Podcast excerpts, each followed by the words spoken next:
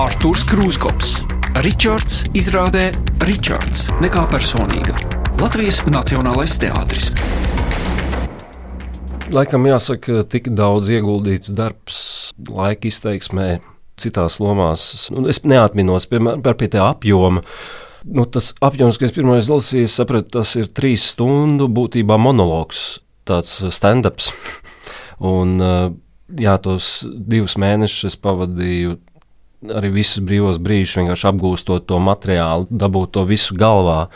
Un uh, citās lomās tu, tu kaut kā jau, tu, protams, domā arī tikpat ilgi, domā, bet tieši tādā fiziskā ziņā, nu, tev prasa daudz mazāk to gatavošanās laiku, un šis bija tāds absolūti priekš manis laikam lielākais mērogs tādā ziņā, lai to visu dabūtu galvā un pēc tam tu varētu brīvi tajā peldēt.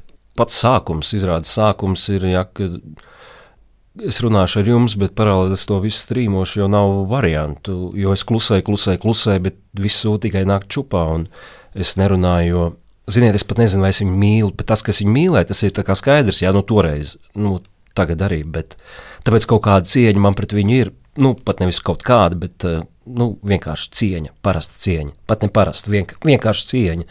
Bet viņas te nav, tāpēc tiešām par viņu neko sliktu neteikšu.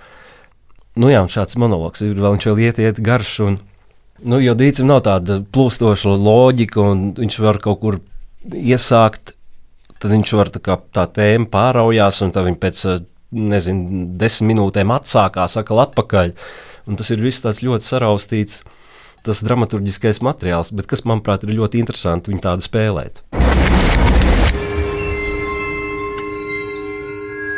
30, 40 gadnieki, es domāju, arī jaunai paudzei šīs problēmas, trauksmes problēmas, emocionālās problēmas, kas šobrīd valda vispār pasaulē, katrā mums iekšā.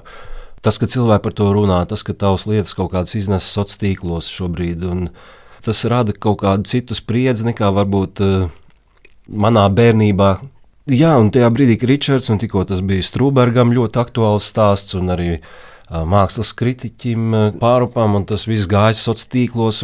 Es lasīju, kā cilvēki, kurus es arī zinu, kurus es nezinu, kā dalījās šajās frontēs, kuri sodīja, kuri tiesāja, kuri aizstāvēja. Pēc tam met kažoks uz otru pusi, jo bija parādījusies atkal jauna informācija. Es tajā visā skatījos, kā tādā lielā tiesas sēdē, varbūt cirkā reizēm, ja, un un pēkšņi tas viss bija jānospēlē. Tās situācijas mēģināja, kas notika ar viņiem, kaut kā lipināt sevi iekšā to saprast, kas tas ir. Kaut kas varbūt arī izdevās.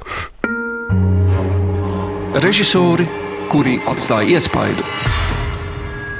Nu, tie režisori ir bijuši daudz un burvīgi. Un, protams, jāsāk ar skolu. Ja, skolu, kur Edmunds Freibergs, Mārķis un uh, Juris Vīnēks. Uh, Tie bija tie pirmie cilvēki, kas um, akadēmijas laikā kaut kā mēģināja to manu sapratni veidot, un es nezinu, vai izveidoju.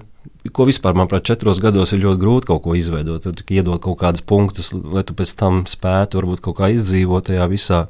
Un pēc tam, protams, pirmais tāds milzīgais uh, mans skolotājs, skolotājā bija Gaļina Poļšķuka, kas ļoti daudz iemācīja tieši par profesiju, tieši par strādāšanu kā ir šis darbs vispār jādara.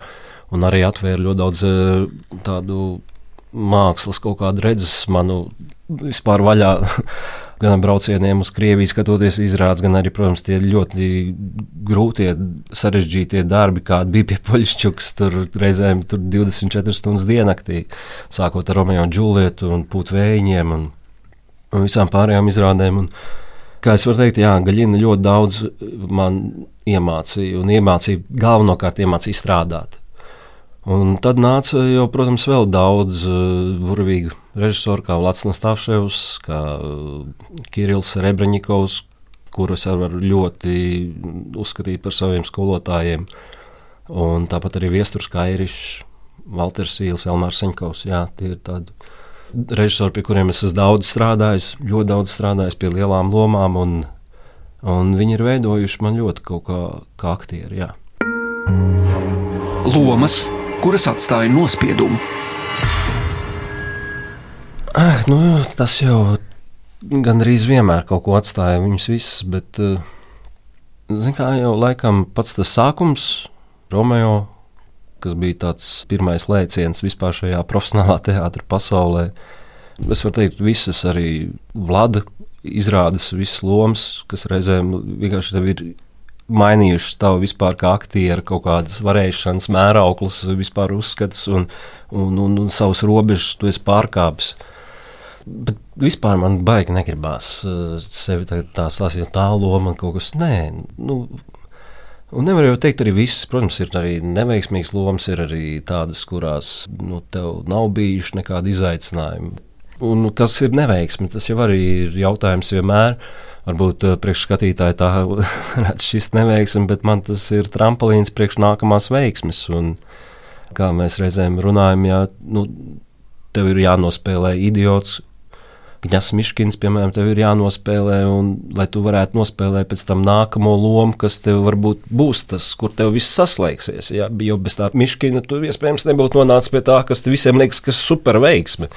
Tā kā no aktieriem jau tas eh, kaut kāds sevis pilnveidošanās, mācīšanās un augšanas ceļš ir arī ļoti dažāds. Viedoklis, kurā ieklausīties? Nu šobrīd Šobrīd, laikam, tā ir sieva. Pilnīgi viennozīmīgi, jo mēs viens otru pazīstam ļoti, ļoti, un mēs varam arī pateikt tieši, un mēs arī runājam diezgan tieši attiecībā viens pret otru. Un, protams, iemācoties, ko viņi man iemācīja, sākt ar labo vienmēr. Jo, zin, tas latvietiskais uzreiz ir tā kā, nu, man nepatīk tas, no tā, nē, sākt ar to, ka šis bija skaisti, šis bija izcils, šis bija labi, bet varbūt tajā vietā var savādāk un tā. Sieva ir jā, viens no tiem cilvēkiem, ko es klausu un uzklausu, un es pilnīgi drošs, ka tur būs patiesība un, un nemeklēs melnumu tikai lai sameklētu melnumu. Un, laikam tas ir vienīgais. Nu, protams, ir vēl daži kolēģi, kurus es vienmēr uzklausu. Bet, laikam, sievas teikšu, jā, tas ir tas šobrīd cilvēks. Zinu, ka Mārķim vēl nāk mīļot pēc izrādes, tad zinu, ka tiešām ir bijis labi. Jo tad, kad tev ir laba loma, viņi saka, lūk, tas ir mans students. Un tagad tev ir slikta loma, tad viņi mums nepienāk klāt. Bet man patīk arī ļoti sarunāties, ja nav izdevies, jā, nu, kaut kā sameklēt, varbūt, kas ir tas, ko tu vēl vari mainīt. Jo redzi, teātris ir tas burvīgais organisms, kurā mēs varam uh, nenospēlēt pirmizrādi, bet mēs varam nospēlēt piekto izrādi absolūti ģeniāli. Piemēram, izrāda Vecena Nastāvševijā, es ģenerāli mēģinājumu ar publiku spēlēju ar Lāsmu Kugrēnu. Pirmizrādē jau visi Kugrēns uh, lomā redzēja Artu Skaimiņu. Nu, tieši tik dramatiski var mainīties viss, un tas viss var notikt 24 stundu laikā un būt uh, jau pirmizrādē pilnīgi cita izrāde. Nu, tā, tā kā, tā, tāds ir teātris. Kritiķis, kurš visu pasaka? Ārtaus Krūskops jau labu brīdi, manuprāt, ir tāds profesionālis metalons latviešu vīriešu aktieru plējādē. Ne tikai savā paudzē, bet savā paudzē, protams, jau īpaši. Proti, profesionālis metalons tādā ziņā, ka viņa lomās, un tās ir ļoti daudz, kā mēs zinām, Un dažkārt arī tādas pēdējos gados varbūt mazliet vienveidīgas, protams, režisori viņam dod tādus vienu tipu uzdevumus. Viņš ir ārkārtīgi precīzs. Viņam nav tukšu minūšu, tukšu vietu, nepiepildītu ainu. Tātad vienlaicīgi tā ir ļoti precīza, garīga, mērķtiecīga darbība. Un arī fiziski Arthurs Kruskops ir brīnišķīgā formā. Viņš var, var noturēt skatītāju uzmanību ilgstoši, ilgā garā izrādē, būtībā paņemot to pilnībā uz sevi. Un šeit ir tieši tāds gadījums. Nu, viņš jau gandrīz nenoiet no skatuves. Pie tam viņam ir arī dažādi uzdevumi. Viņam ir jākontaktē ar publiku, dažkārt arī ar pietiekami tādām no režisora puses iecerētām provokācijām, potenciālām jātiek iespējams galā. Un vienlaicīgi jāspēj arī tā varoņa līnija noturēt un, un nospēlēt. Un man konkrētajā lomā šķiet interesantākais tas, ka Manuprāt, aktieris meistarīgi muļķo skatītāju, bet labā nozīmē.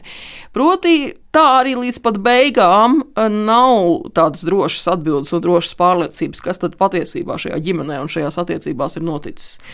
Tas, protams, ir izrādīts arī kopumā nopelns tam, kā tā ir iestrudēta, bet eh, nu, tieši tāds aktieris kā Arthurs Krūskops, kurš no vienas puses ir ārkārtīgi harizmātisks, ļoti viegli Viņam nu, tādā pārnestā nozīmē iet līdzi.